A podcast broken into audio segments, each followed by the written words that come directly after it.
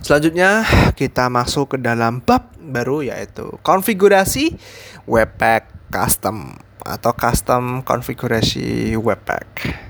Terkadang atau sometimes kita mungkin perlu mengubah konfigurasi Webpack yang mendasarinya secara manual. Misalnya, kita mungkin memiliki loader atau plugin khusus yang perlu direferensikan ya.